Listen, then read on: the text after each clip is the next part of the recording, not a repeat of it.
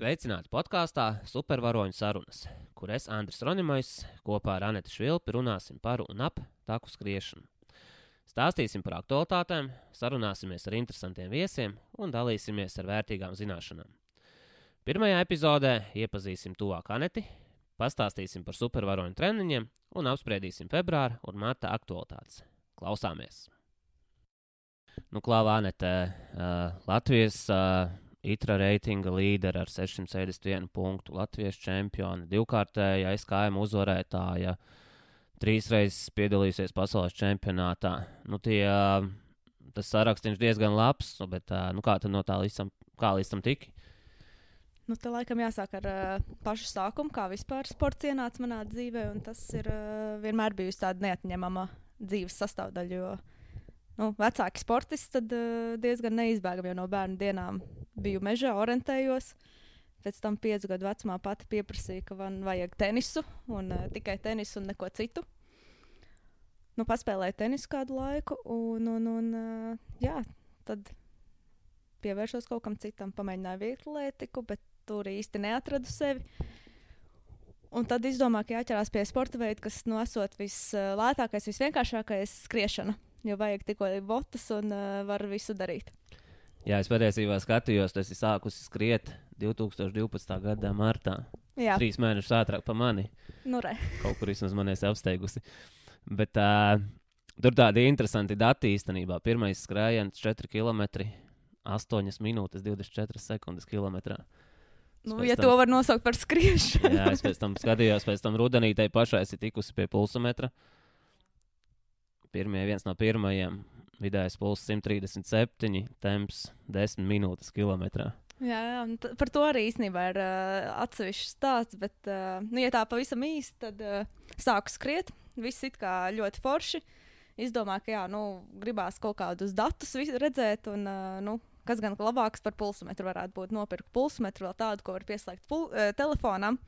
Līdz ar to man nemaz nebija tāds. Uh, klasisks pulkstenis, bet vienkārši telefonā skatījos pulsu. Un, uh, tad bija tā, ka izējas skriet 180 pulsus, bet it kā mierīgi skrienot. Nu, protams, nu, tālu nav jāmeklē padoms, jo jautāju vecākiem, paklau, tas tā kā normāli vai ne pārāk. Nu, nonācām pie secinājuma, ka pārāk laikam uh, normāli tas nav.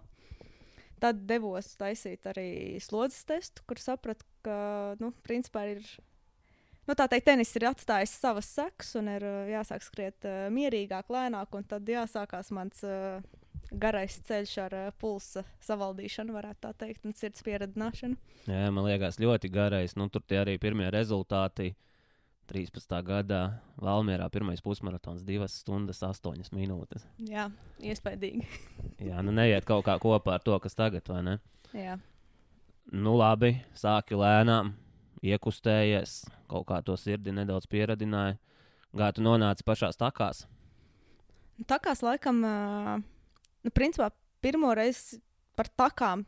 To, ka tā var skriet arī takās, sapratu tajā brīdī, kad ieraudzīju, ka ir uh, Stirnbuka reklāma. Tas bija uh, viņiem pirmais uh, posms Garkalnē. Un tad man likās tāds, wow, nu, man mežs vienmēr saistīts ar orientēšanos.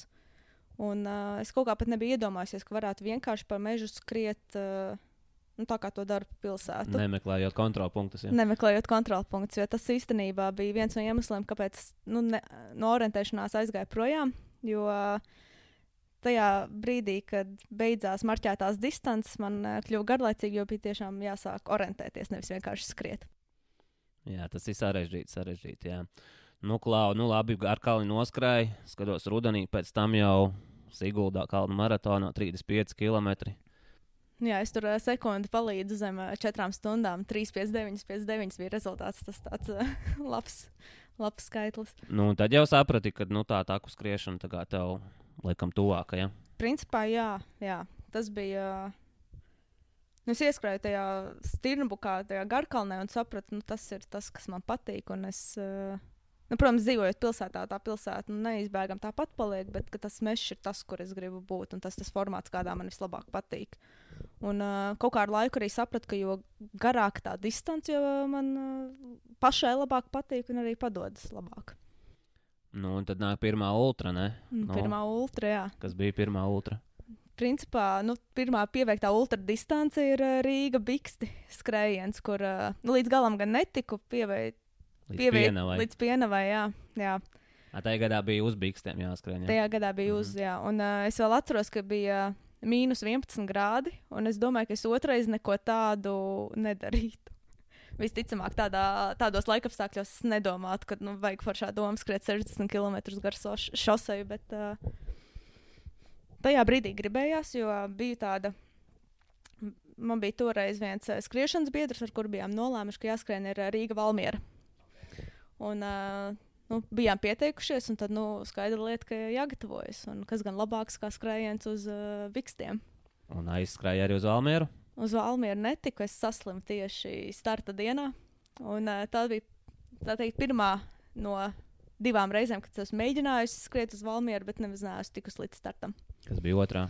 Otrā reize bija 2018. gads, kad uh, principā traumas dēļ izdomāju, ka tas tā kā neies kopā. Bet uh, kā es tiku līdz otrajai reizei, tā bija principā tāda nu, loterijas veiksme vai, nu, Vai neveiksme? vai neveiksme, jā, kā uz to skatās. Uh, Šajā skrējēju gada balvā tiku pie Rīgas Valmiera dalības. Un, uh, likās tajā brīdī tāda laba iespēja nu, izaicināt sevi un uh, pārbaudīt, vai ir iespējams labot trases rekordu un uh, atgriezt to Latvijai. Bet, nu, beigās plāns sanāca citādāk. Un, uh, nu, šobrīd es nemaz neesmu par to tāda sarūktināta, ka tā sanāca. Gan jau, ka būs savu vietu un savs laiks tam arī. Nu, labi, un tad tā, tā pirmā tā kultra. Kas Pirmā bija? taku ultra bija CET 2016. gads, manuprāt. Jā, tas bija. 80 km. Mm, un, uh, nu, principā, tā kā nesanāca tā Rīga Valmiera, tad es sapratu, ka man nu, to ultra distanci man gribas. Un, uh, nu, skatoties uz Latvijas piedāvājumu, nu, tas ceļš bija labākais, ko varēja paņemt, jo es neilgi pēc tam braucu projām uz Zviedriju. Līdz ar to vienīgā iespēja kaut ko tādu izdarīt. Un uh, sanāca. Es teiktu, ka pat ne pārāk slikti. Nu, kopumā priekš uh, visām sajūtām, kāds varētu būt pirmajā tādā skrējienā. Un, uh, nu, āķis bija lupā. viss. Zem desmit stundām, vai ne? Zem desmit stundām, jā. Nu, kādas tās, nu, kādas ir tādas, uh, es jau, man liekas, aizmirsis nedaudz pats esmu tās pirmās, nu, pirmās ultras sajūtas, nu, kad tu skrien, un tev vēl, nezinu, ja esi nedaudz piekusis, un tev vēl 60 km jāskrien. Man grūtākais bija, es atceros, ka kaut, kaut kādā kad bija noskriets 60 km un bija grāmatas ceļš, un tu saproti, ka te ir jāskrien, nevis jāiet. Tas bija tāds. Uh... Un visi tie cilvēki, ko arī satiek tajā trasē, man bija viens kompanions Lietuvietis, kurš uh, viņš ārkārtīgi elsoja, un, bet kaut kā mēs tur uh, nu, nevarējām viens no otra tikt vaļā. Tad ar tām bija jā...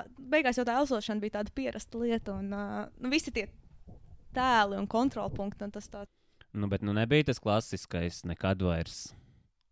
Nu, finišā ieskrēja, un, un, un jau zināja, ka nu, skriesi vēl tādus, vai, vai tomēr bija nu, kādam normālam cilvēkam, kad Nu, es Nē. neteiktu, ka bija kā normālam cilvēkam tās sajūtas pēc tam, jo ā, nu, tas, kā es jutos pēc finiša, bija diezgan. ā, Nu, likās tā, ka es, nu, labi, es līdz mašīnai tieku, bet tagad man jāaizbrauc atpakaļ uz dzīvokli, un, un, un nu, tas nav iespējams. Bet uh, es zināju, ka es to darīšu vēl kaut kur, kaut kā. Bet, uh, bet jā, bija skaidrs, ka tam ir uh, krietni vairāk jāgatavojas.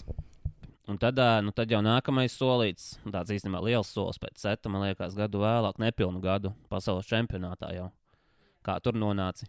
Divus mēnešus pirms pasaules čempionāta es saņēmu uzaicinājumu piedalīties uh, skrējienā, un tas man bija tāds liels pagrieziena punkts. Es gan ļoti priecājos, ka es uh, pēc tam, kad aizbraucu pēc CETA uz Zviedriju, tur izmantoju nedaudz to reljefu un pieejamo infrastruktūru un, un, un uzskrēju diezgan daudz priekš tā laika. Tāpēc es jutos visnotaļ labā formā, lai arī piekristu šim piedāvājumam. Bet tas bija tāds pagrieziena punkts, kad es sapratu, ka nu, vai nu es šo lietu daru tiešām nopietni, vai arī es vienkārši turpinu noskraidīt tāpat savam priekam. Un tad es arī meklēju treneru palīdzību, vērsos pie tevis. Jā, tas man liekas, bija tas pasaules čempionāts uh, klosterī, kur mēs dzīvojām. Ne visi Jā, jā, tāds uh, arī. ar internetu ienāk kambarī. Un, uh, Nu, principā zona nebija pat, lai piezvanītu. Jā, un frīkainiem mūkiem, kas sauca savās istabās. Jā, jā. Principā nu, to, pasākumu izglāba Viviana, kur uh, prata itāliski, lai varētu kaut ko sarunāt, lai vispār mēs uh, varētu Jā, kaut kur jā. aizbraukt un uh, atbraukt pēc tam atpakaļ. Un... Tā, kā, jā, tas bija, tas bija, tā bija ļoti interesanta pieredze. Es, uh, manuprāt, pārsteidzu pati sevi. Es nebiju gaidījusi, ka es uh, pirmo reizi aizbraucot uz uh, lieliem kalniem, tur uh, spēšu tā noskriet. Bet, uh, tas bija tāds labs. Tāda laba pirmā pieredze, kas arī iedeva to pārliecību, ka nu, šī lieta ir jāturpina. Nu, bet kopā trīs pasaules čempionāti, vai ne? Itālija, Spānija un tagad Portugāla pagājušajā gadā. Nu, kurš tāds, uh, kurš tāds jēdzīgākais? Nu, no, tādas, uh, no tādas organizācijas viedokļa man laikam ļoti patika šī gada skrējiens. Bet iespējams, tur arī nospēlēja tas, ka tā, tajā vietā bija jau būts vairāk kārt, un tad bija tāds sajūta, ka tu jau atgriezies kaut kur, kur tu zini, kas būs. Taču no paša skrējiena viedokļa man uh, Spānija, Peņģegolos, pats uh, tāds, uh, nu, laikam visvairāk palicis atmiņā ar to, ka tur arī, pat ja tas skrējiens pats nesanāca gluži tāds, nu, ideālais, lai gan nu, nekad jau ultra nebūs tāda, kas sanāk kā pēc grāmatas, bet tas tāds uh, man vispašai palicis tāds kā tu Pierādījums. 35 km ar potīti tādu lielu, jā, Liela. principā trīs potītēm, jā, varētu Jā, teikt. jā, jā. Tā kā jā, tas bija tāds tādā ziņā, ka pierādīju sev, ka var saņemties arī tad, kad kaut kas notiek nu, ne tā, kā vajag. Un, uh, jo, principā, es biju gatava kontrolpunktā izstāties, bet tad, kad es ieraudzīju, ka, nu, principā, visa latviešu meiteņu izstāšanās kvota jau ir uh, tikusi iztērēta, un uh, vai nu es nofinišēju, un mums ir ieskaita, vai arī mums nav ieskaita. Un Tad bija skaidrs, ka es nu, kaut kā līdz tam finišam tikšu. Un, uh, nu, par laimi, kā es saņēmās, un mēs varējām diezgan uh, labi noskriet arī beigas. Nu, ko? Bet tad, nu, pagājušais gads, vai ne? Nu, tagad mums te viss tur tā smuki un jauki tā stāstā, bet tā, nu, tad pienāca 2019. gads. Nu, ok, tas pasaules čempionāts, te Portugālē. Nu, varbūt ne slikti, bet Nu, viduvēji. viduvējā patiesībā zemākā vietā trīs gadu laikā. Bet, Jā. laikam, arī dalībnieku bija krietni vairāk. vai? Dalībnieku krietni vairāk, un arī distance īsāka kā parasti. Bet, nu, jā, tas gads kopumā, janvārī, tai pašā Portugālē, Jā, cik kilometrus noskrēja. no- 1,8 no Jā. 44. Jā, Un, uh, un tajā brīdī arī, nu, principā jau es veicu kaut kādus septiņus, jo uh, nu, tajā brīdī, kad es, uh, nu, man sacensības beidzās, es izdomāju, ka ir jāiet līdz pirmajam kontrolpunktam, nevis vienkārši jāpagriežas un jāiet atpakaļ uz startu, kas ir. Jā, es par šo īstenībā bieži esmu arī domājis, ka uh, tas ir tik neloģiski. Jo man arī bija nu, gadījumi, kad tu kilometru pēc kontrolpunkta saproti, ka nebūs. Bet ne jau tu kā normāls cilvēks ies atpakaļ, tur vēl velcies desmit kilometrus un uz nākamo. Nu, man liekas, ka tas ir uh, vienkārši tā, ka tajā brīdī, kad ir sacensības, nu, ir tikai viens virziens, ir tikai virziens uz priekšu. Un, uh, nu, līdz tam brīdim, kad tiešām tev kāds nav noņēmis no trases un ved jau atpakaļ uz uh, finišu startu vai sacensību centru, nu, tad līdz tam brīdim ir kustība tikai uz priekšu. Bet pulkst, pulksteni izslēdz jau pēc kilometra. Nē, nē, nē, nē. pulkstenis gāja. Nu, man, man bija cerība, ka varbūt kaut kas mainīsies, gluži tāpat kā tas bija pasaules čempionātā Spānijā, bet uh, nu, nebija, nebija tā. Nu, labi, nu tā Portugāla, nu tad ar potīti, vai ne? Un tad uh, aprīlī jau tika līdz Madeirai, kas tur. Varētu teikt, tā pati potīta bija šī sava nospēlēja. Ne gluži tādā ziņā, ka es viņu kaut ko viņai izdarīju, bet uh, nu, es nejūtos droša. Un, uh, tas arī diezgan daudz traucēja parādīt savu sniegumu. Un tajā brīdī, kad biju tikus pāri tai nedrošībai, tad uh, nu, vēders kaut kādas joks bišķīt izspēlēja un karstums savu izdarīja. Tad, uh, nu, beigās, jā, sanāca tāds, uh, nu, nekāds starts. Nav tā vieta, nav slikti, bet nu, droši vien kaut ko vairāk. Nav vēlējos. slikti, bet es biju gaidījusi, jā, ka es varētu būt konkurētspējīgāka un katrā ziņā arī justies pārliecinātāka par sevi trasē. Nu, tad pasaules čempionāts uh, pa īsu. Pasaules čempionāts gan par īsu, gan arī tas, ka tur. Uh, Principā tā bija pirmā reize, kad pirms starta man nu, nemaz negribējās skriet. Nu, tā ka man likās, ka es varētu izdomāt visu kaut ko un neskriet. Bet uh, nu, kaut kā kaut kā beigās iekustējās. Un, uh, tad es arī noķēru to sajūtu, ka nu, tuvojās finišam, un es labprāt iet otrajā aplī, jo tad es beidzot justos ieskrējusies un uh, sapratusi, kas, kas notiek un ko darīt un kā. Bet, uh, nu, gan par īstu, gan arī tas, ka, jā, ka vajadzēja vienkārši arī kaut kā psiholoģiski labāk sagatavoties tam startam. Nu, pēc tam, ja skatās ītrā, nu, tur tukšums, bet uh, nu, bija jau vēl, bija, bija Itālija. Bija Itālija, un tas patiesībā man ir pagājušā gada mīļākais skrējiens, gan uh, Kā viņu sauca? Uh, Dolomīta Run Ultra. Principā par dolomītiem es varētu diezgan ilgi, manuprāt, runāt, jo tie man ir mīļākie kalni vispār, uh, ko līdz šim esmu redzējusi. Un, uh, es jau, principā, kad sāku šos kalnu skrējienus, es zināju, ka es dolomītos kaut kad gribu skriet. Un, uh, uzgāju šo skrējienu, izdomāju, ka skriešu, visu saplānoju. Un, uh, pats skrējiens pirmkārt ļoti vizuāli skaists. Un, uh, tur es arī ļoti labi jutos. Un, uh, beidzot, man bija tā sajūta, ka oh, šis ir tas skrējiens, kuru es gaidīju visu gadu, un kura dēļ es esmu trenējusies un, un, un tikus tik tālu. Un, jā, 12 km pirms uh, finiša viss beidzās. Um, vienkārši pēkšņi asas sāpes pēdā, un uh, nu, man likās, ka es esmu kaut ko salauzusi. Tā arī likās uh, ārstiem pašā sākumā. Un beigās izrādās, tas bija pārspīlēts asinsvads, bet tas arī pēc tam visu pārējo sezonu principā pielika punktu. Nu, viņš tev ilgi traucēja. Jā, sākumā likās, ka tas tāds, nu, divas nedēļas un būs labi, jo, ja jau nekas nav lausts, tad, nu, pagaidām, kad nesāp un sākam skriet. Bet beigās bija tā, ka aizbraucu arī uz CCC, kur nemaz neizgāju uz startu. Principā pāris dienas pirms starta sapratu, nu, ka tas nebūs reāls. Tikpat labi varu vienkārši nespēt uzkāpt pirmajā kāpumā un, uh, un ko tad. Nu, kādas ir tādas, nu, kopumā tāds nu, diezgan nu, garām gads, vai ne? Principā depresīvs gads. Jā, Jā, nu, kādas ir tās, nu, kādus sevi nomotivē, teiksim, tādos brīžos, kad nu, viss iet slikti un kad ir jāiet trenēties. Tāpat, nu, tu diezgan daudz trenējies. Tur laikam tā doma par to cerību, par to nākotni, ka, nu, ok, gadās arī šādi, bet uh, nu, tas, tās nav pasaules beigas un, un, un jāiet uz priekšu. Un, principā, tas arī bija tas, ka nu, es zinu, ka es varu labāk. Un, uh, tā arī bija tā galvenā motivācija. Vienkārši turpināt un uh, sakārtot visu saknē. Un, uh, principā, bija skaidrs tās lietas, pie kā man ir jāpiestrādā un kas man ir jāmaina, lai būtu labāk. Kas tās ir? Un, principā, tā, ša, pagājušajā gadā visvairāk man iegrieza tas, ka es biju paņēmusi par daudz. Ne tik daudz, varbūt treniņu ziņā, bet es biju. Uh, man bija darbs, man bija treniņi, vēl es gāju skolā. Un, uh, it kā visu var paspēt, un uh, it kā liekas, ka tā kvalitāte nezūd, bet uh, pēc kaut kādiem mēnešiem saprotu, ka nu, nu nevelk tas ķermenis vairāk līdzi. Un, uh, attiecīgi, tad, kad viens no šiem elementiem, proti, skola pazuda un bija vairāk laika atpūsties un tiešām kvalitatīvi atpūsties, nevis vienkārši ir.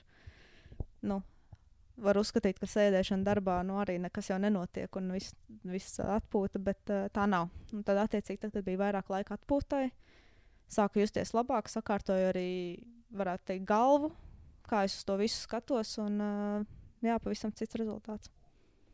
Tu jau te nedaudz aizskāri to atpūtas daļu, man liekas, nu, nu tā no, no audzēkņiem, man un uh, no arī no citiem skrējējiem, ko es redzu.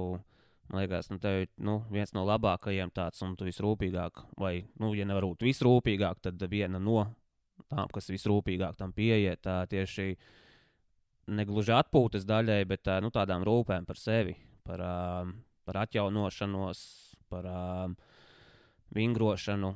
Kas ir tas, ko, ko, uz ko tu nu, šajās jomās vairāk koncentrējies, ko tu Man liekas, ka pats primārais būtu miegs. Un tā man ir tāda, varētu teikt, nerakstīts likums sev pašai, ka nu, miegs ir prioritāte un ir jābūt tām astoņām stundām. Un, uh, nu, uz to es, man nav kompromisu.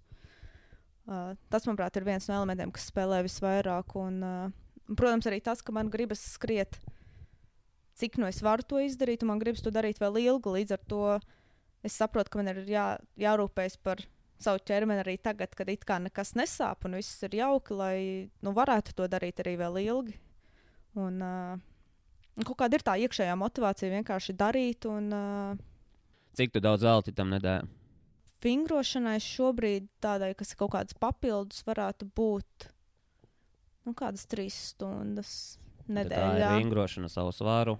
Vingrošana savu svaru, tā ir piemēram stiepšanās un rulēšanās pēc treniņiem, vai arī atsevišķas sesijas, ja jūtat, ka ir nepieciešams. Tie ir ar, arī vingrošana svaru zālē ar papildus svaru. Tā var būt atsevišķa sesija, piemēram, potīšu stiprināšanai, kas ir man uh, vājā vieta. pusē. Nu, ne, ne pavisam. Tas vēl no tenisa, jā.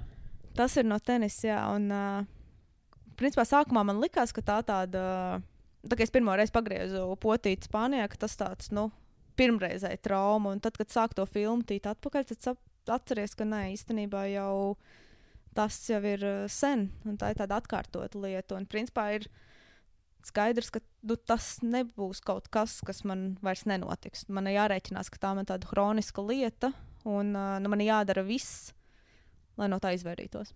Nu, tenisu cik gadus spēlēju. Es nospēlēju tenisu 12 gadus. Lielākā uzvara. Es jau zinu, bet uh, Lielākā uzvara. nu, daudz jau saka, ka Ostapenko ir apspēlēta. Bet uh, man pašai, nu, teiksim, jau par tādiem tenisiem, tad man ir uh, pašai ļoti atmiņā palicis viens sacensības liepājā, kur uh, es otrajā setā. Pirmā es biju zaudējis, no otrajā es uh, taibreikā zaudēju, manuprāt, 6-1. Nu, 1-6 tajā brīdī es atspēlējos un vinēju visu maču. Tā tas man ir palicis tāds, uh, laikam jau pirmās iezīmes, ka no ar izturību man viss ir kārtībā.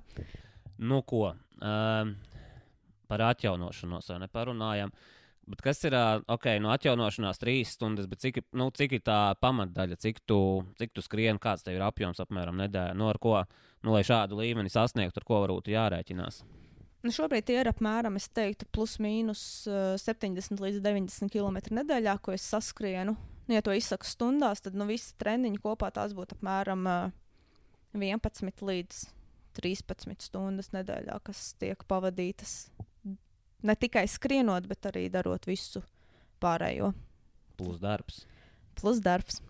Ok, nu labi, un um, nu, intensitāte treniņos, nu, uz ko tu, nu, tu esi taku skrējēji, vai ne? Taku skrējēji, jā, tādā pasaules uh, nozīmē ir cilvēks, kurš skrien būtībā, nu, ne jau pat aciņu, bet skrien augšā kalnā lejā, vai ne? Un, nu, visiem zināms, ka Latvijā to īsti, nu, kas ir tās lietas, kā, kā tu tam gatavojies. primāri, protams, tā ir vienkārši tāda bāze, lai varētu izturēt visas tās ilgās sacensības. Ņemot vērā, ka tas reliefs ir pieejams tik, cik tas ir pieejams, tad uh, liels uzsvars tiek liekts arī uz to, lai varētu izturēt augstas intensitātes. Un tas pa, viss palīdz arī pēc tam, kad ir tiek tajos kalnos un sirdī ir jāstrādā un kājām ir jāstrādā. Um, protams, arī daudz visādi reljefa treniņi, cik nu tas ir iespējams.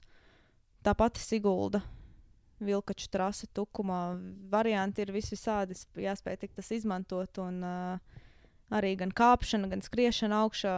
Šogad vēl klāt ir nācis arī uh, trenižieru zālē, skrejceliņš tiek visādi izmantots, gan kāpjot, gan skrienot. Un, uh, kaut vai tāds pats uh, 10, 14 metru kāpums tepat Rīgā, piemēram, pie mājām netālu Zaguškalns izcila vieta.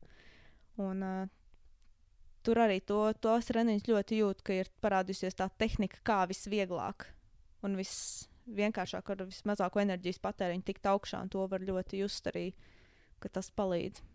Nu, labi, un ja mēs skatāmies uz tādām, nu, tādā taku skriešanā, tur ir nu, daudz prasmes vajadzīgas.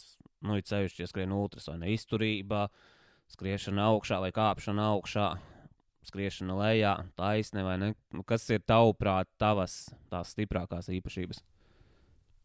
Manuprāt, stiprākās man ir tās, ka es spēju pārslēgties tajā brīdī, kad, uh, piemēram, beidzas kalns ir jāsāk skriet. Es spēju to izdarīt. Un man ir bij, bijis sacensībās, ka es it kā kāpju reizē ar kādu, un beidzās kāpums, un, un, un pēkšņi viņi vairs nav. Viņi kaut kur aiz muguras. Tas man ir līdz saprast, ka es spēju diezgan ātri pārslēgties no viena uz otru. Um, ja kādreiz man likās, ka mans stiprākais ir kāpšana augšā, tad nu jau es sāku to reizēm apšaubīt ar to, ka lejā arī tīri labi ir sāk iet. Bet tas arī ir liels treniņu jautājums. Mācīties sevi pārvarēt, skatīties, kā citi to dara. Un, uh, atrast to kaut kādu to brīvības sajūtu tajā visā, tā darīt to visu tā brīvi un uh, nu, uzticēties arī principā sev, ka kā, nu, tas ir izdarāms, vienkārši ir jāļaujas tam višķīt. Nu, labi, un tad nu, konkurentiem nedaudz pateiksim kādu konfidenciālu, kas ir vājākās.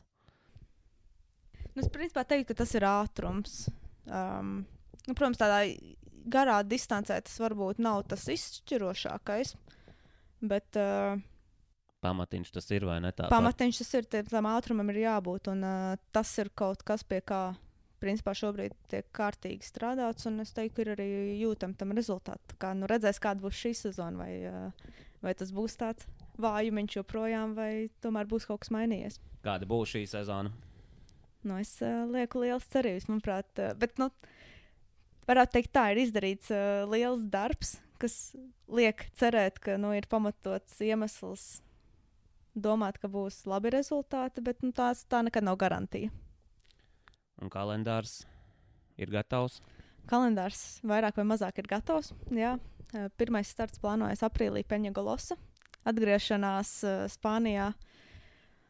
Tur skriešu 110 km distanci. Tālāk, uh, tad jau nāk jūnijas. Tur būs Mocards 100 105 km vai 108 km skrējiens pa Austrijas. Man liekas, 100. 105 tiešām. Man tā liekas, viņi paši, Ah, jā, saka, viņi, bija, viņi bija. paši saka, ir 105, bet nu, tas jau uh, redzēs, cik tur beigās sanāks. Jā, no abi divi pasaules tūris posmi. Abi ne? pasaules tūris posmi, un uh, būs vēl trešais pasaules tūris posms, uh, CCC. Vēlreiz. Vēlreiz. Tre, princ, nu, trešo reizi jāmēģina šoreiz izdarīt tā, lai. Viens finišs, viens DNS. Jā, nu, jāmēģina uh, dabūt viens tāds finišs, lai pēc tam var uh, skatīties uz kaut ko citu augustā. Ok. Tas par 2020. gadu. Kas ā, ārzemēs tas 2020. kas Latvijā? Latvijā, principā, stirnu buks būs uh, Ko skriesi? lūsi. Atgriezīšos pie lūša. Kāpēc tā? Nu, pāris gadus man liekas, buciņu skrēja. Ne?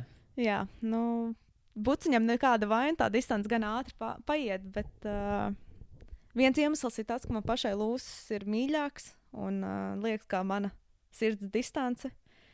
Bet vēl viens iemesls arī tas, ka šogad Stīrnu Bukā būs Latvijas čempionāts. Un tas būs augustā, vilka distance jaunā. Un tad nu, ar komandu nolēmām, ka ja reiz skriešu to vilka distanci, tad nu, arī loģiski būtu, ja es visos pārējos posmos skrietu lūsu. Līdz ar to tas man tāds. Tad jādomā, kā starp vilku un CCC divu nedēļās atgūt kājas, vai ne? Jā, tas būs uh, piedzīvojums. Nav tāds darīts. Nē, bet uh, vēl jau būs interesanti arī jūnijā ar uh, Mocartu, jo nedēļa pēc Mocarta 100 km plānoju skriet uh, stafetē 25 km. Tas, manuprāt, būs vēl, uh, vēl interesantāks piedzīvojums. Jā, jā. Nu, labā ziņa tev, ka treneris tavs uh, ir tādos situācijās nonācis pāris reizes. Skaidrs, ka izdarāms tas ir. Tā kā vienkārši būs uh, jāizmanto savas stiprās spējas uh, atjaunoties un par sevi parūpēties. Un, uh, varēs pārbaudīt, cik labi tas strādā praksē. Nu, 2020. izklausās tāds, nu, kad ir viss skaidrs, vai ne? Kas tālāk? Nu, tāds uh, bucket list, nu, kas ir tas, kas uh, jāizdara obligāti, kamēr vēl skrien. Nu, es domāju, ka es noteikti gribēšu pieķerties UTMB. Jo par UTMB man arī ir tāds uh, stāsts, ka kaut kad ar uh, vecākiem, kad biju maz 11 gadus veca, bijām uh, Šveicē. Un aizbraucām arī uz uh, Šamoniju, Franciju, turpat netālu. Un uh, apskatījāmies, kā tur Monblāns izskatās pa gabalu. Un uh, vecāki saka, ka, zini, vispār ir tāds uh, skrējiens, viņi skrien Monblānam apkārt, tur 170 km.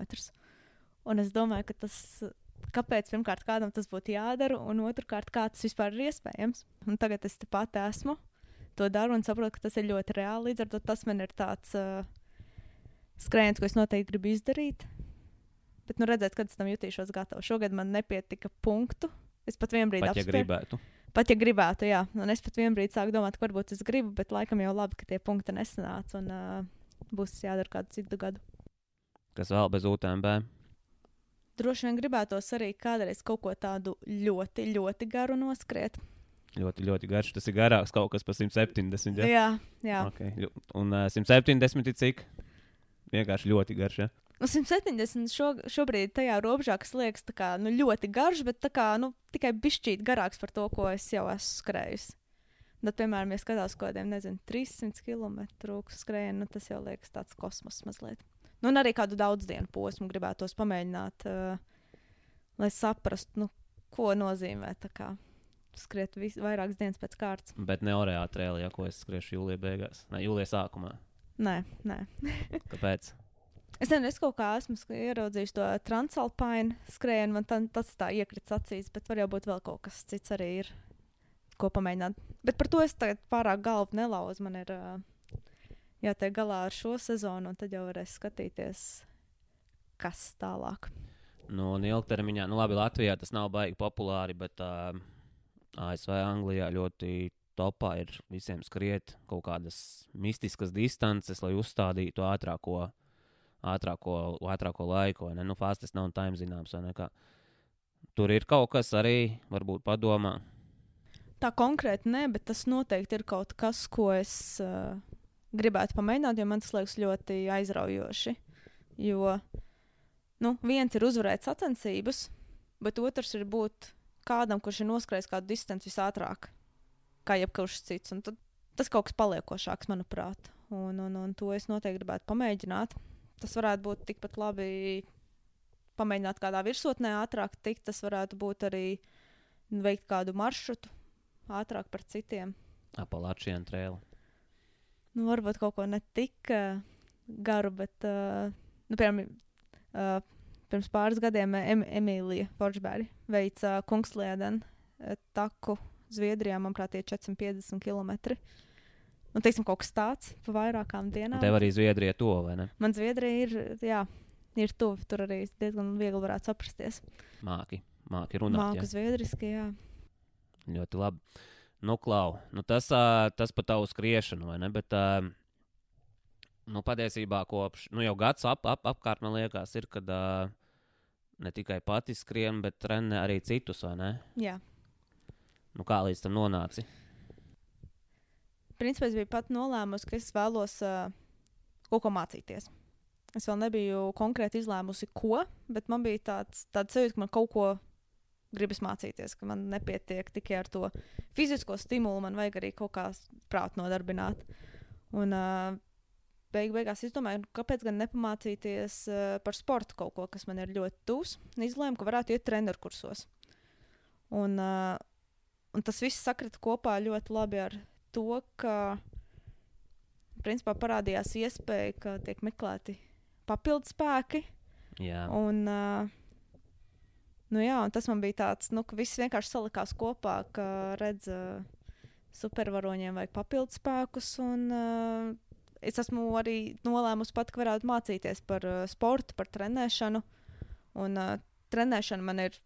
Nu, nav gluži pavisam sveša tēma. Arī tad, kad es spēlēju tenisu, savai trenerei palīdzēju. Uh, Līdz ar to tas ir bijis kaut kas, ko es esmu darījusi. Un, uh, jā, tad mācījos, sāku pati trenēt.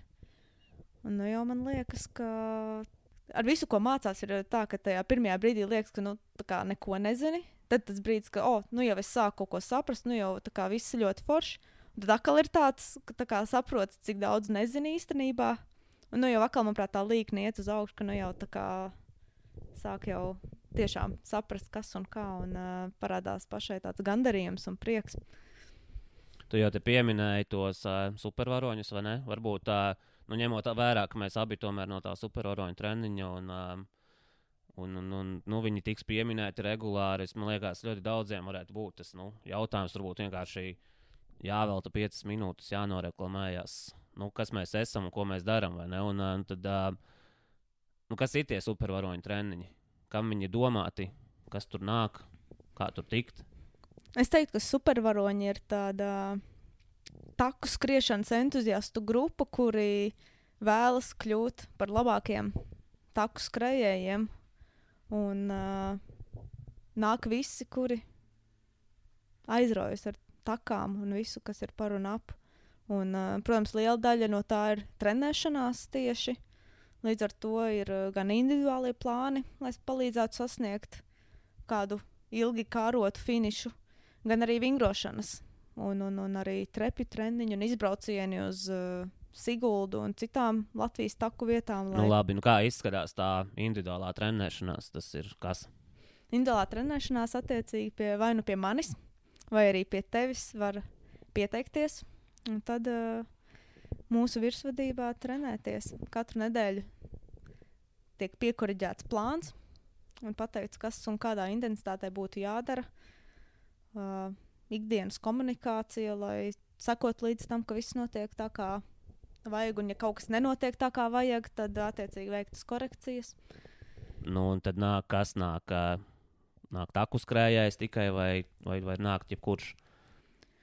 Principā jebkurš, bet pārsvarā nāk taku skrēju, jo tas arī mums pašiem ir visinteresantākais. Un tas ir tas, ko mēs vislabāk protam darīt.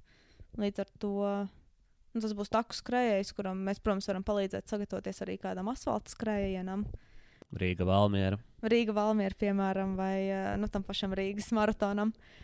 Bet, uh, jā, nu, mums ir tā mūsu lielākais jājams dzirdziņš tomēr ir ultradistances un, un, un viss, kas saistās ar izturību, takās. Un, uh, līdz ar to tas būs arī tas, kur mēs vairāk varēsim cilvēkiem palīdzēt. Nu, kaut kāds minimālais prasmju līmenis ir. Principā trenēties var nākt jebkurš. Gan tāds, kurš spēj un varbūt Latvijas čempions, gan uh, arī kāds, kurš ir uh, skrien varbūt pāris reizes nedēļā. Un... Vai neskrien vispār pagaidām? Arī, arī tādi, jā. Jebkuram mēs varam palīdzēt atrast to veidu, kā visaudzīgāk un vislabāk sev iemīlēt taku skriešanu un iemīlēt skriešanu kā tādu un atrast to prieku tajā procesā. Nu, kur tad pie mums var pieteikties? Pie mums visvieglāk var pieteikties uh, rakstot mums uz uh, supervaroņi at supervaroņi.lv vai arī uzmeklējot mūsu, mūsu sociālajos tīklos, tajā pašā Facebookā vai Instagramā un vienkārši atsūtot kādu ziņu, ka, hei, gribam trenēties. Un tad jau tālāk uh, runāsim un skatīsimies, ko varam darīt. Nu, tu jau pieminēji, ka ir uh, nu, kaut kādi arī grupu treniņi. Jā, mēs uh, otrdienās, trešdienās, piekdienās vingrojam.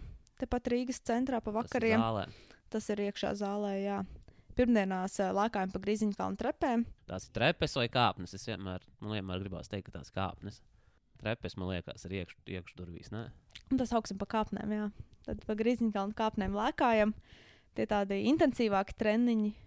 Droši vien tādiem, kuri neskrien vispār, nav ieteicami, ja vien negribās, lai tas būtu pirmais un pēdējais. Jā, un lai Andris nelamā pustreniņā. Tieši tā, jā. Un uh, savukārt nedēļas nogalēs parasti svētdienās dodamies uz uh, takām.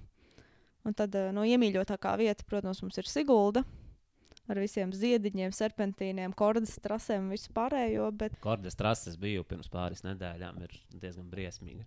Tur uh, tas lēzenais kāpums ir nu, ar orientēšanās efektiem, tur ir tā sakrituši koki.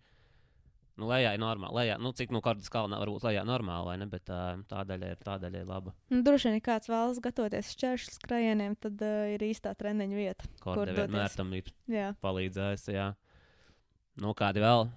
Nu, vēl mēs dodamies uz Vilkaču trasi reizē pa reizei. Un tad, uh, varētu teikt, pēdējo mēnešu jaunums mums ir uh, dažādas ekspedīcijas. Šobrīd esam bijuši Raiskumā tik tikko, un uh, pirms tam bijām arī Inciemā. Jā, kur Jānis Kungs mums noliek fakta priekšā, jā, un tad mēs paši. Jā, tur mēs paši varam iz, izdzīvot. jā, izaicināt savas orientēšanās uh, spējas. Nu, un tad vēl ir nometnes. Vēl ir nometnes, jā. Uh, organizējam nometnes gan tepat pie mums Latvijā. Piemēram, uh, rudenī mums bija nometnes Mecers silā Madonā. Un uh, martā dosimies uz uh, mūsu dzimto pusi, alūksni. Jā, tā mums abiem laikam. Tev arī Jā. dzimtā tā pusē. Tā varētu teikt, jā, mana visa ģimene no tēva puses no alūksnes. Tev tikai akcents nav palicis atšķirībā no manis. Nav gan. Jā, Nu, lūk, un uh, vēl arī organizējam nometnes ārzemēs. Vienu gan tādu koronavīrusa dēļ esam atcēluši. Nedosimies uz uh, pašu slimības epicentru Itālijā, bet uh, nu, lielu krenču par to neķeram un uh, skatāmies tālāk uz vasaru. Būs mums uh, jūlijā brauciens uz Tatriem. Jā jūlijā beigās ar, um, ar sacensībām beigās patiesībā ar Gorce Trēlu polijas, pie Zakopānes polijas pašos dienvidos. Tā kā jā, nu, jūlija beigas, augusta sākums varētu būt. Tā kā sakojiet līdzi jaunumiem. Tātad, ja grib trenēties pie tevis, tad jāraksta uz supervaroņa, supervaroņi LV, ja? Tieši tā. vai arī tad jāmeklē tevi Facebook vai Instagram. Kā tevi Instagram var atrast? Instagramā var atrast at Anete Svilpe, un uh, tad jau es tur būšu. Es jau domāju, arī daudziem varētu būt uh, jautājums, nu kā vispār, kā tu līdz tādiem supervaroņiem ir tikts, kā var izveidoties tāda. À, kā, ir, kā ir radusies tāda komūna? Ja? Jā, Man liekas, ka sākumā mēs uh, ar vingrošanu patiesībā sākām tepat man pie mājas pļaviņā, aiz loga, tepat, kur mēs te runājamies. Mēs kādu laiciņu gājām uz uh, zāles treniņiem, vieniem grupu nodarbību, bet uh, tur pa vasaru treneris tā kā brauca prom. Tad likās, nu, ka man, nu, tagad trīs mēnešus mēs uh, kā viss ziemas darbs būs vējā reāli. Nu, ja tu trīs mēnešus tagad neko nedari, un tad izdomājam, vai taisam paši savus. Un um, sākām, sākumā man liekas, ka ir 5, 6. Vienkārši grupiņā kaut ko darīt. Un, un sakrita tā, ka uh, man bija jātaisa tas plāns, nezinu kāpēc. Un, nu, vienu reizi, otru reizi. Un, uh, tur mums bija arī tāds Edgars Kuģinieks grupā, kurš izdomāja, ka tas būs superheroes workout. Un tur nu, mums bija viss briesmīgi angliski. Un, uh, Heat, tur treniņš un uh, superheroes workout. Un, Kaut kādā mirklī man, nu, es tur pats par to nosaukumu tur sākumā, tur, nu, sajūsmā nebiju, bet uh, kaut kādā mirklī, kad to pārsauc latviešu, nu, kaut kā iegājās tas tautās. Un, uh, tagad jau, man liekas, četri gadi būs riņķī drīz, kad uh, vasarā varēsim četrus gadus svinēt, kad ir tas darīts, Jā, es atceros, ka es biju Zviedrijā 2016. gada rudenī, ziemā, un, un, un skatījos Facebookā, ka tās nāk, ir tās bildes no treniņiem. Domāju, nu, bāc, nu kā man šito gribās. Nu, tā arī es uzreiz atgriezos, tā uzreiz sāku nākt uz vingrošanām. Sāki ar vingrošanu, ja Sāku es ar vingrošanu, jā. Vārds, kā tu, Jā, es uh, uzpeldēji. uzpeldēju janvārī vingrošanā, visticamāk, kādā. Man liekas, tiem nu, supervaroņiem kopā ir izgājuši cauri nu, jau simtiem droši vien cilvēki. Ir bijušas dažādas dienas, vietas, laiki, un, un, un arī tie cilvēki, kas kaut vai tajā pašā Grīziņkalnā ir bijuši. Grīziņkalnā rekords ir 34 cilvēku uzkāpnē. Principā nebeidzamā Plūsma. plūsma. Jā. Vasarā gan tas jā. Bet ziemā tāpat tā bieži jautās, nu, cik tur ziemā var atnākt. Bet man liekas, pat desmit mazāk. Patsmit ir, jā. Mm. Desmit mazāk nekad praktiski, vai ne? Tā kā kaut kā tas tur ir iekustējies. Jā. Nu, ko? Man liekas, ar to arī pirmo daļu, daļu beidzam. Pirmo daļu patiesībā nobeigsim ar to, ka tagad es tevi tā intervēju, vai ne? Bet, uh, nu, un līdz ar to šis tāds pirmais raidījums tāds nedaudz unikālāks, bet uh, tālāk jau tu pati būsi viena no intervētājām un sadarbosies kopā ar mani, vai ne? Jā, Tā kā, nu, tad pirmo daļu beidzam. dodamies otrajā.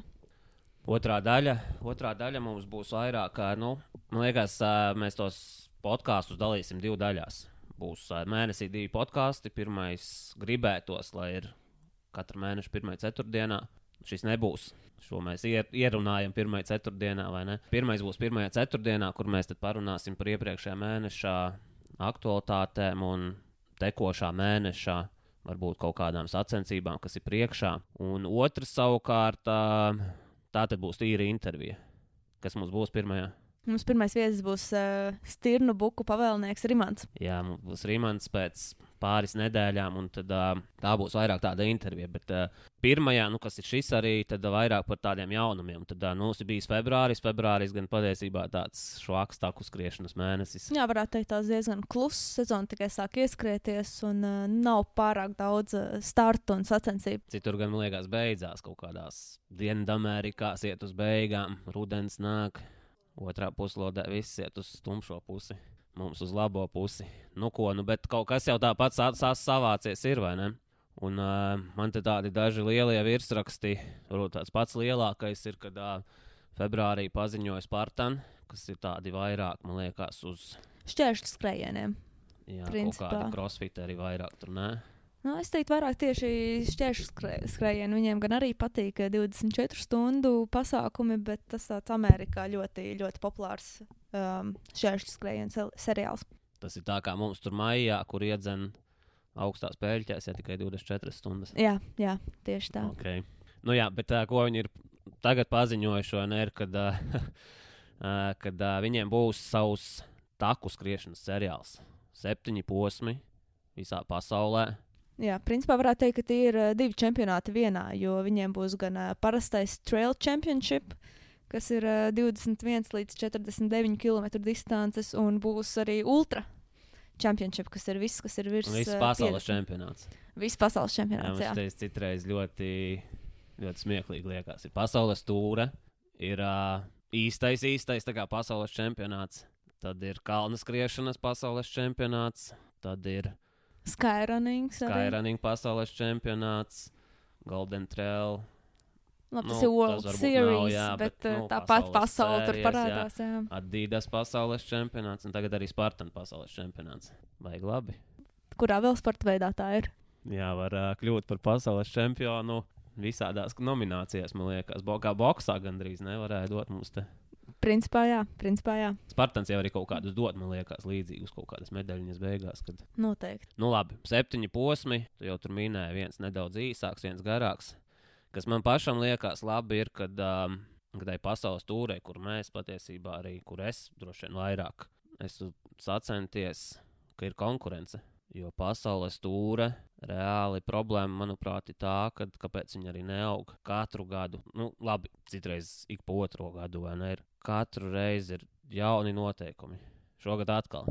Nav vairs jāsavāc divi posmi, kā pagājušajā gadā. Tagad jāsavāc četri posmi divos gados. Come on, tas ir tas pats.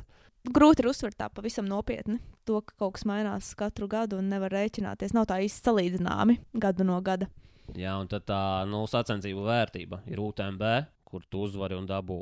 Man liekas, tagad 2000 punktus, senāk bija 2300. Un tad ir kaut kādi tur tie mazākie līmeņi, tur, piemēram, Mocards, kur pagājušajā gadā uzvarētājs dabūja 400 punktus. Un tad tā starpība ir, ja tu UTMB izcīni 35. vietu, tu tāpat esi krūtāks par to, kas uzvar Mocartā. Mocartā uzvar Pauka Pel. Tā jocīgi kaut kā. Spartanam tādā ziņā vienlīdzība.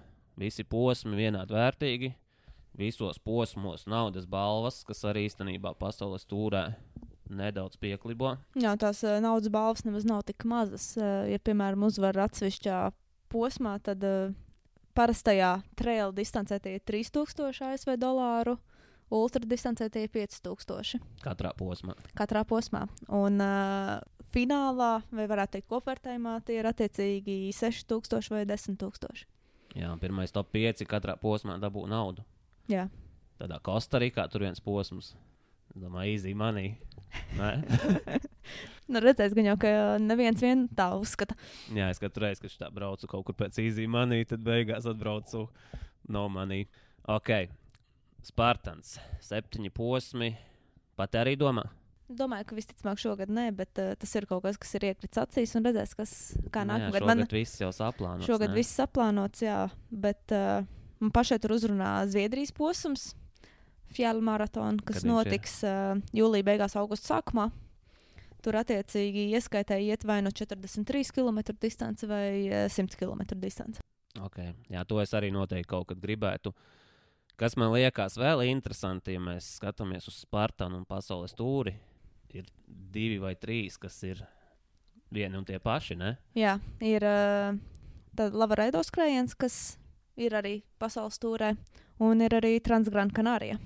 Un ir arī Patagonija. Patagonija arī. Un uh, vēl potenciāli ceturtais, jo viņiem Āzijas posms vēl nav izdomāts, kur būs. Līdz ar to, nu, ņemot vērā to, ka arī pasaules turē ir vairāki posmi, nu jau Āzijā, tad uh, ir iespēja, ka arī tur kaut kas pārklāsies. Pasaules tūres beigas, Nevar zināt. Beigu sākums. beigu sākums. Jā, jo patiesībā nu, tādā Transgran Kanārijā jau vairākus gadus ir neapmierināti ar to pasaules tūres, kas patiesībā ir UTMB mafija apakšā. Un, um, nu, šis, es domāju, viņu veids kā nedaudz uh, duncīts mugurā. Ne?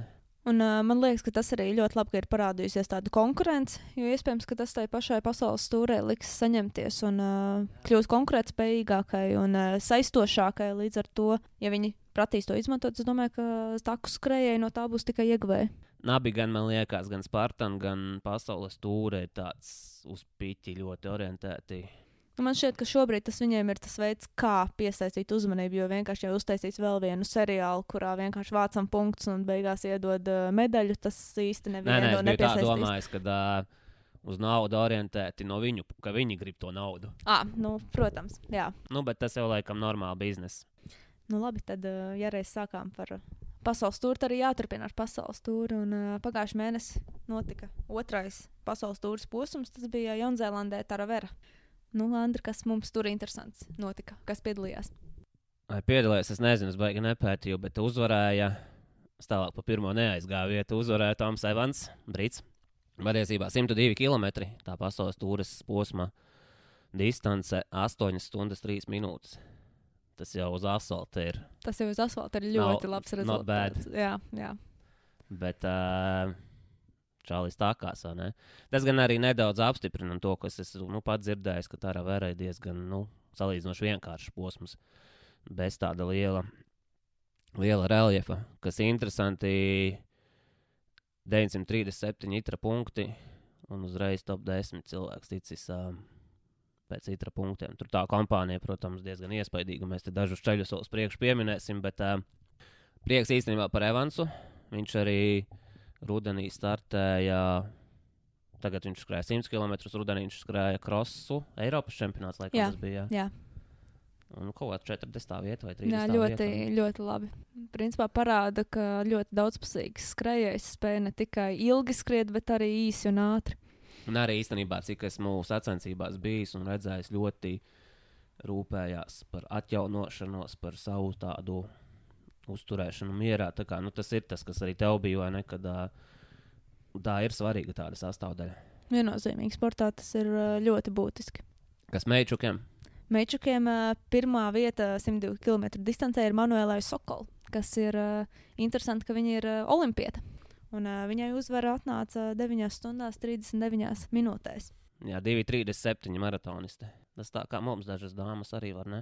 Mm. Vēl man ā, interesanti, es uh, sakoju līdzi vienai Dienvidāfrikas skrejai Naomi. Viņai bija sākotnēji paredzēts skriet 160 km distanci, bet beigās viņa nolēma skriet 100 km distanci. Un Mana draudzene. Tava draudzene, jā. Un uh, es atceros, lasīju viņai. Bija, manuprāt, Instagramā raksts, ka viņa teica, nu, tur kaut kādā brīdis distancē, un meitene skrien uz 4,15 un, un, un uh, tāpat tās attālinās. Līdz ar to tas, manuprāt, vien parāda to, ka tā ir bijusi ļoti ātra trase un ļoti prasīga.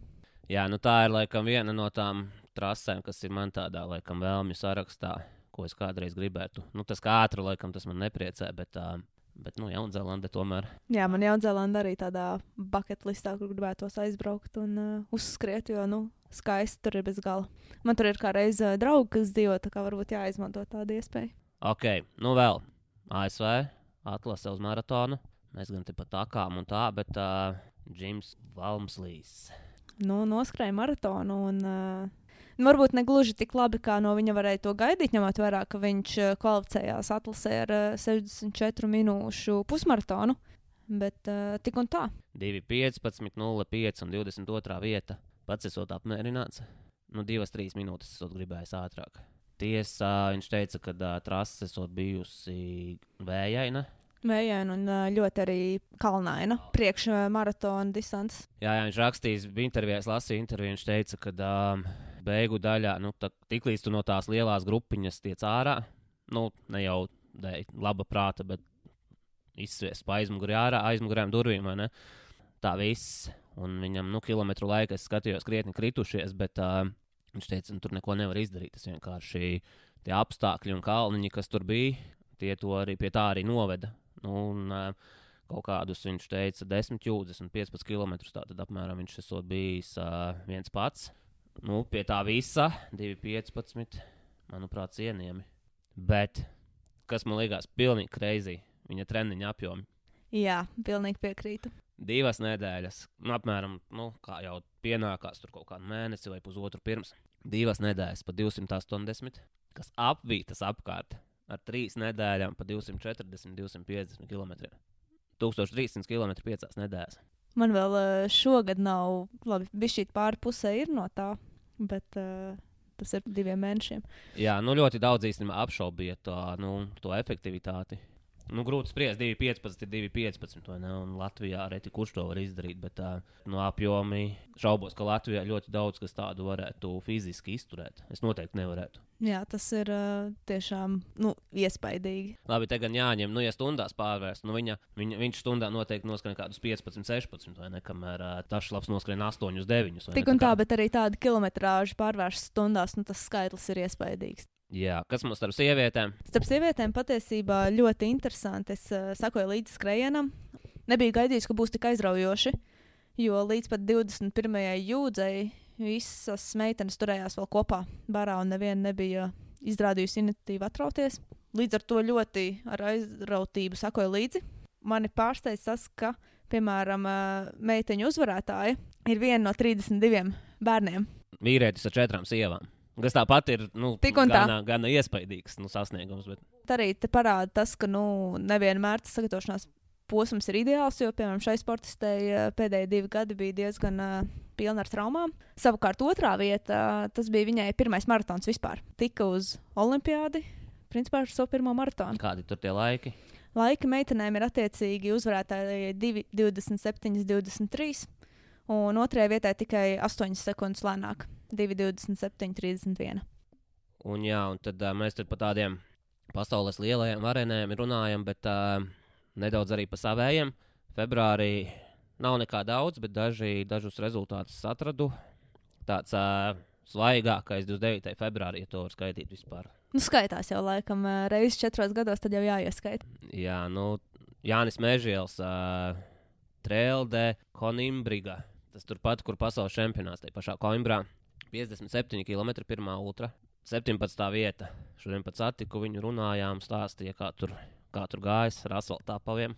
Nu, cerams, ka uz uh, Peņģegalosu būs uh, mācījies no, no Jā, es šīs kļūdas. salamāju, ka tā, tā ned- nedrīkstētu tā uzkrājienos. Bet nu, kopumā 676 itra punkti noteikti var labāk, bet pieredzīti būs. Tad nu jānovēl, lai turpina tāpat, vai ne? Jā, un tur mīkšķis par viņu Peņģegalosā. Jā, nu tas aprīlī. Bet lai labs sagatavošanās būs. Nu, un tad vēl daži skrējieni, kas tādi, kur, kur latviešus arī izdevās atrast tas pats tri, Trilijas dos Abutres. Pasaules čempionāts pagājušā gada. Orientēšanās dāma mums Ilze Lapiņa labāko. Tur bija arī, bija arī viens kungs, bet tā Ilze Lapiņai sanāca būt ātrākai. Un, attiecīgi, viņa tur labākā no latviešiem. Un, un, un Spānijā Montaņa Sierra Blanka 42 km. Mārtiņš Niķis arī diezgan cienījami noskrējis. Un, uh, varbūt ne gluži latvietis, bet uh, ieskaitīsim, un arī gal galā viens no supervaroņu grupas, uh, Inigo, Inigo Tore vai Spānis, aizbrauca ekskursijās uz Spāniju, un arī to pašu noskrēja, un arī, arī īstenībā labs rezultāts priekš viņa.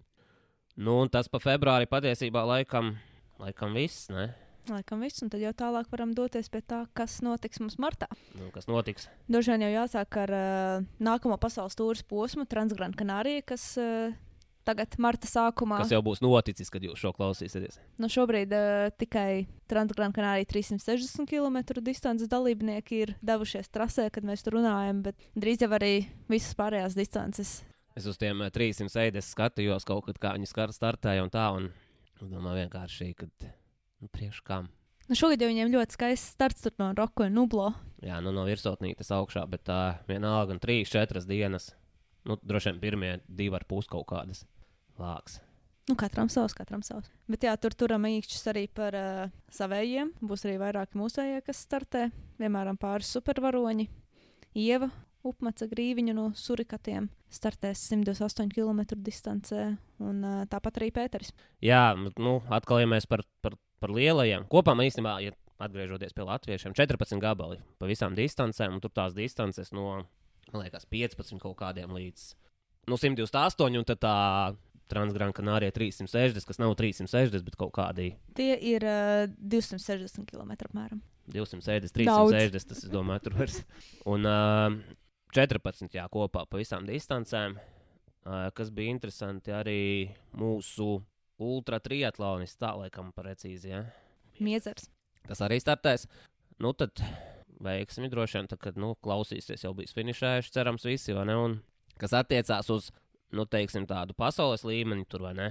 Man liekas, lielākā intriga visā tajā pasākumā šogad ir, vai Pauls Kapels izcīnīs ceturto uzvaru pēc kārtas. Nu, tiks pie pokera, kā saka, vai ne? Tas ir tieši tāds pats kā Vamslīs. Nu, ok, nav tur 280, bet Bet tik un tā, manuprāt, tās stundas viņam ir uh, iespaidīgākas par kilometriem, jo, nu, uz takām tomēr kilometrus reizēm grūti skaitīt. Vieglāk saskaitīt stundas, jo nu, tas tāds jā, kaut kad trīs dienas pirms starta 30 km, divas dienas 20 km. Liekas, nu, pilnīgi traks, bet tā viņš 20 līdz 40 stundas viņš trenējās. Un, acīm redzot, nu, kamēr ķermenis iztur, nevar jau nekā arī teikt, nu, viņš, viņš visu uzvar. Jā, Nu, ja jā tu visu grūti uzvari, pārmest. grūti pārmest. to? Un, un, un, un ir jautājums, vai viņam izdosies arī tikt pie tās ceturtās uzvaras. Un, um, konkurence īstenībā viņam ir. Ir tas pats tā paša Vāmslija treniņu biedrs un, man liekas, arī dzīvokļu biedrs Jareds Heizens no ASV. Pagājušo gadu uh, Western States otrās vietas ieguvējs arī paskrēja zem trases rekorda. Tad ir, nu, pēc reitinga skatāmies Dilans Baumans, bet man liekas, ka viņš nedaudz pēc traumām ir un diez vai izrādīs tādu. Bet nekad nevar zināt, un tomēr tik garā distance visādi pārsteigumi var būt. Bet, nu, labi, amerikāņi Eiropā Nu, nav viņiem tas pats. Nav, viņi ir pieraduši Amerikas skrējienu, tomēr stipri atšķirās. Viņi ir ar palīgiem, viņi ir ātrāki, viņi ir taisnāki. Transgran Kanārija tomēr ir gana sarežģīts. Bet tad drīzāk, kas būtu tāds lielākais konkurents, man liekas, tas pats Spānis, Pablo Vilja Gonzales. Pirms gada, man liekas, otrais bija vai trešais. Par to nemāku teikt. Man šķiet, viņš eh, TDSā ļoti labi nostartēja. Viņš uzvarēja. Nu, droši vien var ieskaitīt, kā ļoti labi. Jā, principā tāds ekvivalents tam. Tā kā nu, tur, nu, manās acīs tur būs spāņu duelis. Es laikam pa pau. Man tomēr čomiņš viņš. Jā, un arī nu, viņa tie nu, pēdējo gadu rezultāti tomēr runā paši par sevi, un nevar noliekt, ka tas ir tāds ticamākais favorīts. Savukārt, ja mēs skatāmies uz meitenēm, Es jau gribēju iet tālāk, bet nu labi, lai iet arī meitenes. nu, meitenes arī pieminēsim. Tur atkal uh, viena no top favorītēm ir amerikāniete Keitlina Gurbina, kas pagājušajā gadā bija otrā. Tāpat arī Audrija Tangui no Francijas, kur uh, TDSā 2019. gadā uzvarēja. Un uh, tā viņai bija otrā TDS uzvara pēc kārtas. Līdz ar to redzam, ka TDS skrējējiem Transgran arī tāds uh, iemīļots sacensības. Nu, vēl pieminēšanas vērta, es teiktu, ir arī uh, Mimija Kotka, kurai gan uh, pēdējais gads nav bijis pārāk veiksmīgs, bet tomēr kopā ar tevi uzvarējusi Madeira Island Ultra Trail un uh, Nu, kopā, nē, viņa bija aiz manis. nu, tajā pašā gadā. Spiedestāl stāvējāt kopā gan jau. Jā, jā. Bet uh, patiesībā es redzu to tavu sarakstu, un uh, tu nenosauc, bet es domāju, ka uzvarēs Zāra Garcia no Spānijas. Tā ir tava favorīta. Jā. Tur arī kādi 40 kg varbūt dzīvesvars ir vairāk, tur nav, bet tā domāju, kā ātrā meiča. Nu, lūk, par mūsējiem, mūsēji ar kaut kur startēs. Te gan mums nav tāda, varbūt. Te vairāk tiešām, laikam, supervaroņi tiks pieminēti. Ja? Nu, un, un tad ir šajā pašā weekendā ir Portugālē Fafetrēla. Jā, 35 km. No mūsu komandas, kā reiz no supervaroņiem, bet arī no riestiem un vāverēm, vai ne? Jā. Kristaps Broks un Ina Graudiņa. Jā, abi divi startēs. Uh, Inna mēģinās tikt pie saviem pirmajiem itra punktiem. Kristaps attiecīgi mēģinās parādīt, ka ziemā ieguldītais darbs uh, var attaisnoties kaut Ka kādā ir labā bijusi rezultātā. jēga kaut Ka ir kāda. ne? bijusi jēga, jā, un uh, turam īkšķis par viņiem abiem diviem. Nu, un tad vēl no mūsējiem ir Kiprā, ja? Akamas Blossom Trail. Jā, tur mums skries uh, Daina 60 km distanci. Jā, brauks ciemos, un tad pie reizes arī paskries. Nu, kas tev ir no tādiem varbūt? Ok, nu šogad vairs pa vēlu pieteikties tādiem, bet uh, man liekas, svarīgi tomēr arī cilvēkiem, kad uh, tiek kādi, kaut kādi nosaukumi pieminēti sacensību, kas ir tādi jēdzīgākie, vai ne? Un, uh, jo ļoti daudzi nezina, kur aizbraukt, un man varbūt šādi es varu aiztaupīt sev ļoti daudz stundas pie, pie messengeriem un WhatsAppā, kur man jāraksta, ko tu man ieteiktu skriet, vai ne? Jā, tad, nu, ja kāds vēlas atrast kādu startu martā, tad, uh, lai arī es no distances redzēju vienu knapus 7 km, man tie 7 km patika, tāpēc es uh, ieteiktu Lozantrēlu apsvērt, iekļaut kalendārā. Jā, jā tur ā, nākamgad ar mani var braukt, jo viņi jau manī nedaudz piespieda apstiprināt, ka es būšu. Nu, redz, Jo es tā kā šogad tā kā, nu, mēs vienojamies, ka es drīkstu izlaist, un tad nākamgad man atkal esot jābūt. nu, redz tad uh, kompānija ir iespējama. Un, uh, jā, jo manuprāt, tā ir arī visnotaļ izaicinoša trasa. Tomēr 44 km ar 3000 augstumetriem, kas ne pavisam nav maz tik īsā distancē. Savukārt, uh, dalības maksa un uh, dzīvošana un nokļūšana, manuprāt, ir ļoti vienkārši un ērti. Līdz ar to ļoti vērts apsvērt. Mārcis Portugāli izklausās labi. Jā. Man patīk. Nu, tad vēl no tādiem, uh, ko martā varētu apsvērt, ir Itālijā Toskānā Chianti Trail. Tur arī var izvēlēties gan uh, 42 km, gan 73 Protams, uh, grūti spriest, vai šis skrējiens tik tiešām notiks Šogad. šogad, jo tas vēl ir priekšā 21. marts. Bet, ja gribas aizbraukt kaut kur tālāk, tad uh, varam skatīties uz Ameriku. Ir Antelope Canyon Trail. Jā, tas, ko viens no mūsējiem Antons pagājušajā gadā skrēja. Šogad īstenībā arī gribēja, bet nebūs. Jā, un izskatās ļoti skaisti pa kanjonu. Nu, iespaidīgi tie skati līdz ar Man to. liekas, Man arī baigi taisnais. ir nu, nu, Amerika. līdzens, jā, bet, uh, manuprāt, kā tāds uh, baudījums, tas varētu būt tiešām, tiešām labs. Man savukārt ir viens, kur man liekas, katru gadu ir kāds latvietis. Ļoti lielas aizdomas, ka uh, arī šogad būs. Man liekas, man kaut kas ir teicis, ka brauc, bet uh, man jau kā ar to atmiņu ir kā ir. Ekotrēls, Parī, Parīzes ekotrēls. Kas man liekas, šim tāds unikālākais ir tas, ka tu arī finišē, nu, ja tu izvēlējies 80 km finišēt Eifeļa turnī, pārējās distances finišē pie Eifeļa, nu, kas arī nav, nav Nav slikti. slikti, jā. Bet uh, 80. kā tu dabū bez biļetes pirkšanas, tikt augšā vai ne? Pašam gan jākā, bez lifta. Patiesībā man ar tas gods bijis šo skriet, un uh, paši francūži par šo skrējienu smējās. Tie, kas tur UTMB un pārējais kaut kad runāja ar UTMB, tur tehnisko direktoru, viņš teica, ka tas Parīzes ekotrēls tas ir nu, taku skriešanā Francijā izsmieklis, uh, ka tā nav taku skriešana. Bet patiesībā priekš tāda latviešu cilvēka, man liekas, ļoti labs uh, tāds saprašanai ārzemēs, kā ir būt sacensībās. Pirmkārt, Parīze viegli nokļūt salīdzinoši, otrkārt, pat ja sacensības neizdodas, tu vienalga izbaudi Parīzi, vai ne, kas arī nav galīgi slikti. Un uh, tā trase ir, ir ceļama visiem, vai ne? Un, uh, Zinu, man viena pazīstama nūjotāja tur katru gadu brauc savu distancīti nonūjo. Tā kā, nu, tas principā derīgs visiem, vai ne? Tā kā man, man tikai ekotrēls. Droši vien vērts piezīmēt, ka Parīzē martā gan nenozīmē to, ka vienmēr laikapstākļi būs tiešām uh, silts pavasaris Parīzē. Jā, un ja ziņās raksta plus 8, tas nenozīmē, ka nesniks. Jā, tā kā atceramies, ka uz taku skrējieniem uh, lietas jakas un uh, kārtīgs obligātais ekipējums un vispār ekstra ekipējums ir uh, must have. Arī Parīzē. Jā.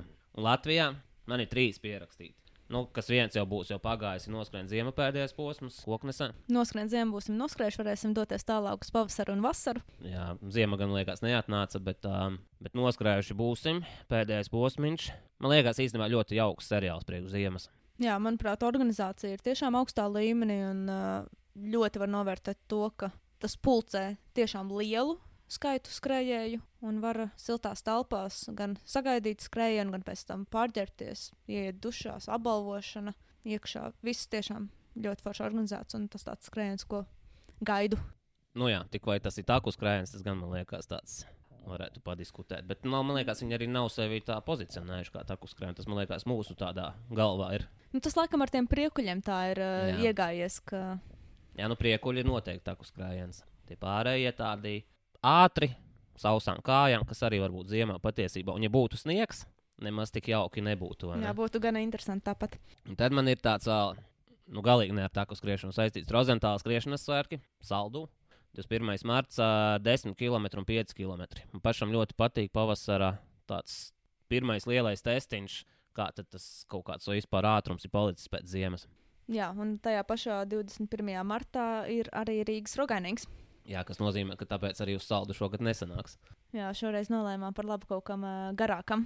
Jā, un, uh, un tad, nu, pēdējais arī ar tā kā mazs sakars, bet tā, tādā ultras, ultras skriešana, kas nu, arī laikam mūsu kaut kāds lauciņš savā ziņā. Vai šis ir sada mazahistisks, man liekas. Pārspēja sevi 12 stundas apkārt Māras dīķim. Nu, es nezinu, vai tas prasa uh, daudz komentāru. Nu, ja kādam patīk riņķot, un. Es Uh, tev varu pateikt, 1,35,78 km aplīts. jā, tas man uh, viens no iemīļotajiem uh, treniņu maršrutiem. Man liekas, ja grib, piemēram, startēt 24 stundu pasaules čempionātā, šis ļoti, ļoti labs, ā, ļoti labs mačs. Jo ideja ir tā pati arī pasaules čempionātā 24 stundās, arī man liekas, 12. Tev ir dzēna pusotra kilometra aplī, plus mīnus, un, un tur riņķo. Un te ir tieši tas pats. Jāspēj jā, tam psiholoģiski sagatavoties. Jo nu, viens ir noskriet no punkta A uz punktu B, un otrs ir uh, visu laiku skriet ap sacensību centru un ik pa pāris, principā, nu, pārdesmit minūtēm uh, atgriezties sākuma punktā. Jā, sākumā biežāk, sāk, vēlāk retāk, ar lielākām pauzēm. Tā. Nu, labi. Nu, un tad, uh, nu, lai nobeigtu, man liekas, tādas, kas īstenībā arī februāra lieta, ir nevis marta lieta, bet uh, podkāsts. Nu, ja mums ir podkāsts, uh, mums likās, ka vajadzētu arī padalīties ar citiem podkāstiem, vai ne? Un kas ir tas, kas, uh, kas ir interesants. Nevis gluži varbūt ar podkāstu kā, kā tādu, bet ar epizodi. Nu, un tad mēs katru mēnesi iedosim vienu. Kādai tavējā? Nu, manējā saucās uh, Running for Real with Tina Muir, un uh, epizode konkrēti ar Hillary Allen, kur uh, tā ir amerikāņu skrejēja, kura pirms, uh, manuprāt, diviem gadiem Tromso skairēs uh, pavisam burtiski nokrita no klints.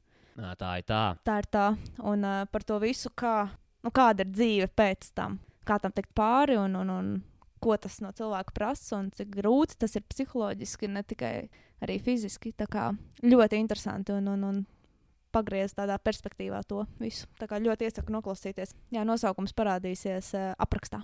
Jā, nu man ir divi. Es gribu izlēkt, un uh, man ir Train Right podkāsts 26. februāra epizode, kur intervēta tie Kristija Anšvārdena. Uh, viņa ir izdevusi grāmatu Good to Go par nu, latviešu laikam sanāk atpūšanos, par recovery. Un man liekas, uh, un nu, viņi apmēram arī pastāsta tajā epizodē, kas ir tie galvenie, galvenie punkti. Nekā jau pārsteidzoši miegs un vienkārši atpūta, bet uh, ir daudzas lietas, kas par ledu un tā nozīmi, par siltumu un tā nozīmi. Tā kā tā tāda laba lietiņa, lai nedaudz varbūt atsvaidzinātu zināšanas.